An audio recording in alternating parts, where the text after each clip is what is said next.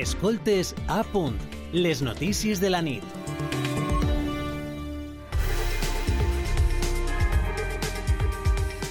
I és que, com estem veient, les àrees urbanes són la font de molts reptes medioambientals actuals i no és d'estranyar perquè dos de cada tres ciutadans i ciutadanes de la Unió Europea viuen en ciutats.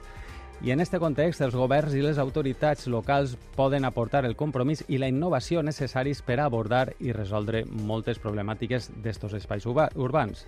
El Premi Capital Verda de la Comissió Europea reconeix i recompensa els esforços locals per a millorar el medi ambient i, per tant, l'economia i la qualitat de vida al si de les ciutats.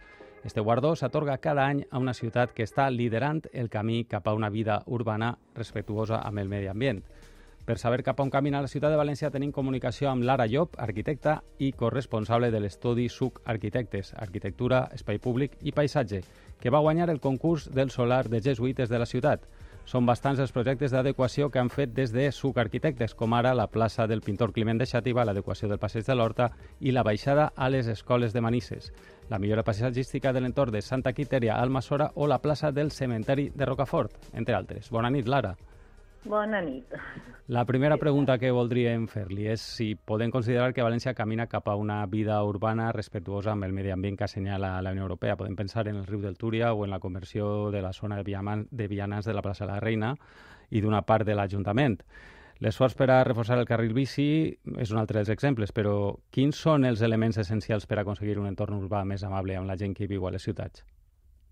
Clar, els, els elements i enfocant-lo tot cap a la resiliència, no? que és com la paraula de la que se parla ara molt, mm. i veient totes aquestes onades de calor que estem, bé, eh, que estem tenint, eh, per a nosaltres l'element principal és renaturalitzar les ciutats no? i tornar a incorporar, a incorporar l'arbrat que, en certs moments sembla que inclús és com enemic de la gent i, i no? perquè sí, que si embruta, que si, no sé, sempre se veuen com a problemes.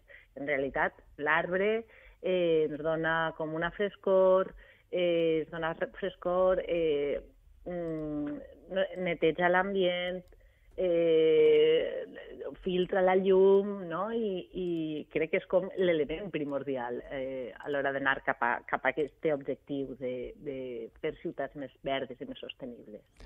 En el discurs d'avui, en rebre el Premi de Capitalitat Verda Europea, l'alcalde Joan Ribó ha posat com a exemple el projecte dels, dels jesuïtes, un treball que ha fet mm. el seu mm. estudi. Mm. Eh, a grans trets, en què consisteix este projecte? Val, l'enunciar del concurs no? se, se va guanyar en un concurs, que és cert que estan havent molts concursos ara, tots enfocats a, a això, a aconseguir una València més verda no? I, i més amable per al ciutadà. Eh, L'objectiu del concurs, o l'enunciat, era fer un, un jardí que fora com un exemple d'horta també. Val? Era un mm. jardí hortofrutícola, no? com els antics jardins que hi havia en els monestirs.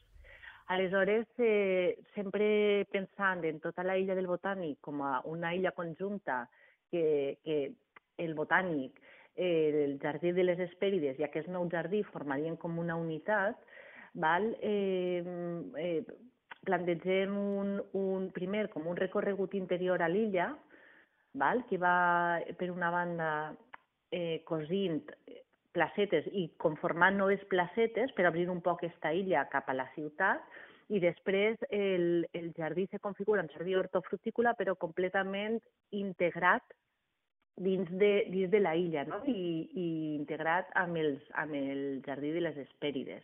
Val? Eh, són com uns bancals en el que l'aigua, l'element de l'aigua i l'element dels camins i les bardisses, que són, a banda dels cultius, són com els elements que més trobem o més, que més caracteritzen l'horta, són les que ens conformen com diferents bancals, no? que van resolent la topografia del lloc. En el fons seria un poc com tornar a, a, a l'essència no? del, que era, del que era la ciutat en, en, en el passat, no?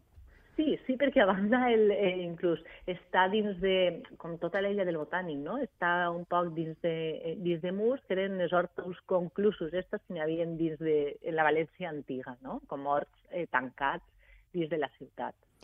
En aquest sentit, eh, com de complicat és per a, per a vosaltres, per als paisatgistes, als arquitectes, adaptar ciutats com, com València, una ciutat del segle XXI, a, a, a, estos, a estos entorns, no? per fer-lo més sostenible, més verda, més innovadora i més Sí, el, el, normalment el més complicat és que està tot tan construït i tan compactat que tens que anar com trobant els llocs, eh, els llocs que s'han quedat com residuals o llocs que se desocupen per infraestructures, no? com, com les vies del tren, per exemple, i anant clavant com cunyes verdes dins de la ciutat i llevant-li espai al tràfic, sobretot, no? a l'hora d'actuar en l'espai públic, és llevar-li espai al tràfic i donar-li espai públic. No? I això és, això és realment és, és molt complicat perquè està, eh, l'espai està tot colmatat, no? Hi ha que anar fent el terme de l'acupuntura urbana, no? Mm. d'anar i poquet a poquet anar introduint com cunyes de verd. Mm -hmm. mm. Doncs moltes gràcies, Lara, per, per haver-nos atès, per haver atès la telefonada de, de la ràdio pública, per haver-nos facilitat algunes claus per a caminar cap a ciutats més verdes. Molt bé, molt gràcies, bé, moltes bona gràcies. Bona nit, bona nit. Escoltes a punt, les notícies de la nit.